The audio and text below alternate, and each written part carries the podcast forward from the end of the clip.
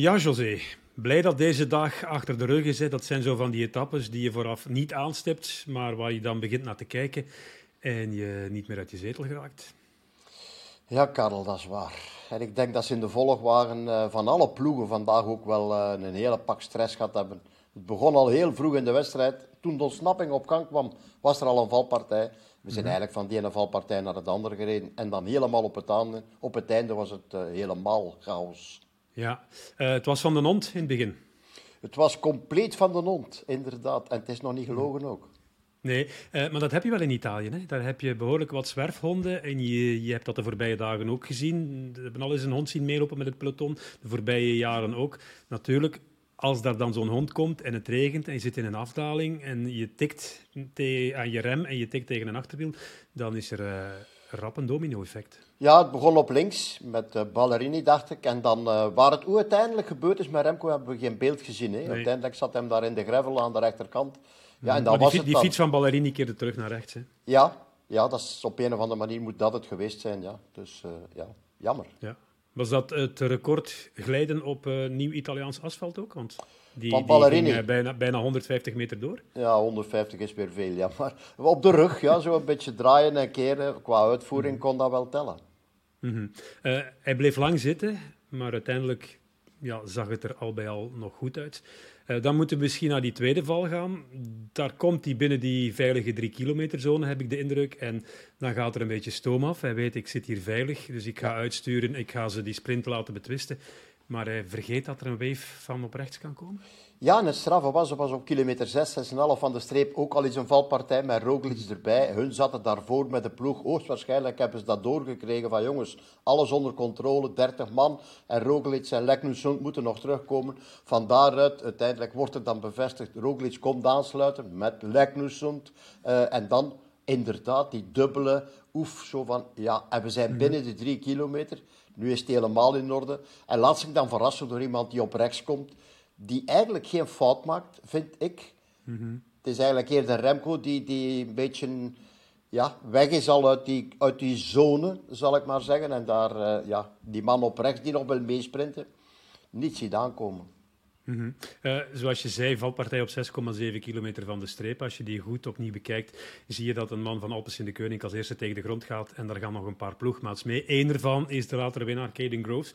Je ziet hem daar zelfs nog zijn ketting er terug opleggen wel straf hoe ze dit uiteindelijk nog managen en uh, tot een overwinning uh, laten leiden. Ja, formidabel. Er zaten er twee of drie bij, twee bij vooraan, zeker in die groep na die valpartij. En die hebben zich dan op een kilometer of drie, anderhalf, drie kilometer van het einde zich laten uitzakken. Dat zag je duidelijk. Ze hem komen ophalen en dan met hem naar voren, hij zelf ook nog eens naar voren, zat er in die laatste kilometer, anderhalve kilometer, volledig alleen, zat daar mm -hmm. te wachten achter die man van DSM, wist en wacht, ik durf niet, ik mag niet aangaan.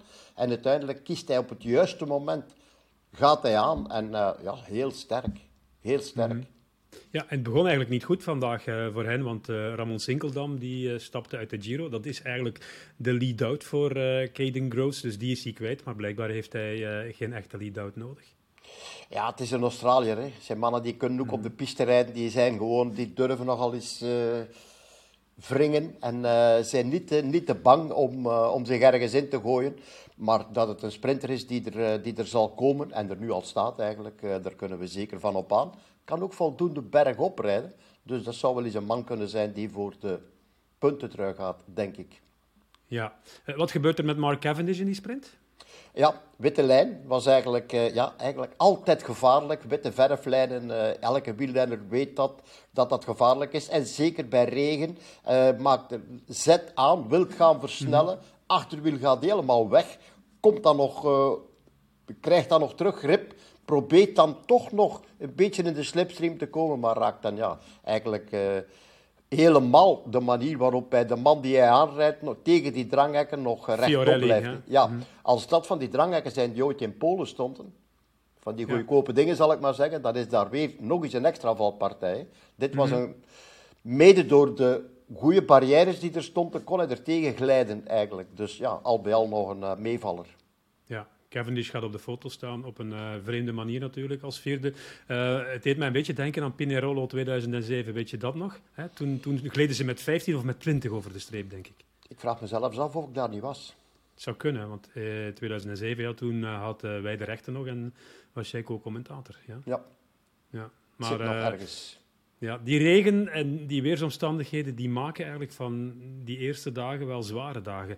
En dat is een verhaal dat wordt meegesleept tot in de derde Giro-week, denk ik. Niet dat het zo'n slecht weer gaat blijven, hè, maar alles wat hier nu gebeurt, dat, dat komt er extra bij.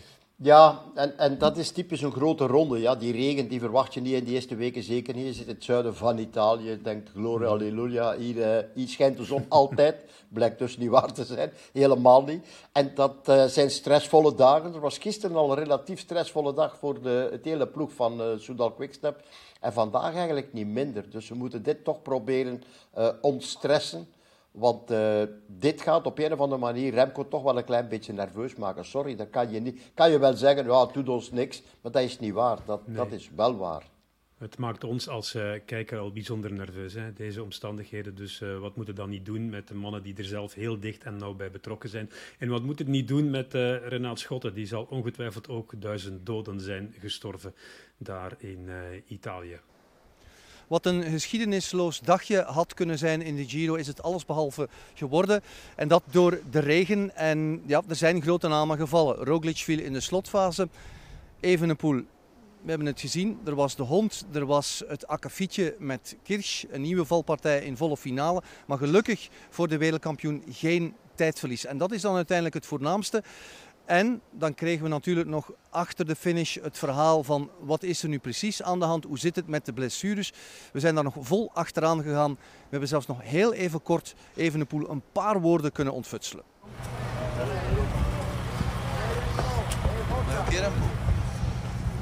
We willen niet. Veel pijn, maar verwacht. Goed.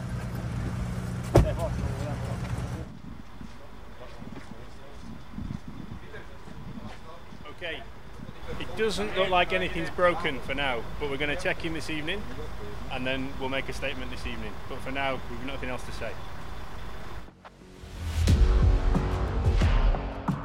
Dan uh, kunnen we nog vooruitblikken naar morgen, José. Etappe die van start gaat in Napels en ook aankomt in Napels. We gaan dus echt wel in het zuiden van de Laars koersen morgen. Napels is een stad die aan uh, voetbal doet denken, en zeker na deze week. Hè. Ze zijn kampioen geworden, de Scudetto is binnen voor de Napolitanen. Uh, maar denk jij ook aan koers als je Napels hoort?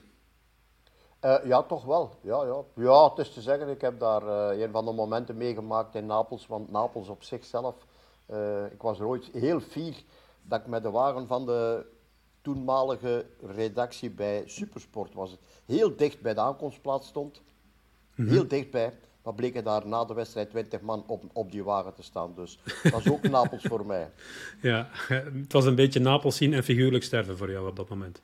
Uh, het was vooral bij de Carabinieri gaan en die keken eens naar mij en zeggen: Wat, wat kom je hier eigenlijk doen? Hey, hey. Ja. Gaan we morgen nog eens sprinten? Uh, ik denk het wel. Ik denk het wel, omdat uh, ja, er toch nog altijd mannen zijn die op een honger blij, blijven zitten. Mhm. Petersen heeft nog geen etappe gewonnen, dacht ik. Nee. Die mannen doen toch altijd heel veel werk. De ploeg van uh, Alpecin de Koning, ja, die gaan nu helemaal uh, uit de bol gaan na deze ritwinst. de mannen van Bahrein met Milan ook. DSM gaat zeker proberen die trui verdedigen. Dus ik denk morgen, ondanks dat het 2800 hoogtemeters is, is een relatief pittige rit, maar je vindt mhm. daar geen vlakke parcoursen of je moet langs de kust blijven. En dan denk ik dat we toch, toch nog eens gaan sprinten. Ja. Ja, 2800 hoogtemeters op amper 162 kilometer, dat is behoorlijk veel eigenlijk. Ja, dat is behoorlijk veel en uh, hopelijk wordt het morgen een beetje betere weer, weersomstandigheden, want anders gaat dat toch, dan wordt dat vervelend dat je s morgens opstaat en het regent en heb je zoiets van, weer al. Oké. We gaan uh, morgen kijken. We gaan kijken naar die etappe Napels-Napels en we gaan die morgenavond ook uh, terug analyseren. De nabeschouwing uh, op Canvas rond half acht en op VRT1 later op de avond na het journaal laat. José, bedankt. Fijne ja. woensdagavond is, onder, is, het ondertussen al. We zijn vijf dagen ver in deze Giro en we hebben nog tijd om het gras af te rijden. Arrivederci. Ik moet gras niet afrijden. Regen. Nee? Hier. Okay. Hier, hier zon. Volle zon. Ja, ik zie het. Ja. Altijd, hè, aan de kust. maar ja. tot morgen. Salut, hè. Ciao, morgen.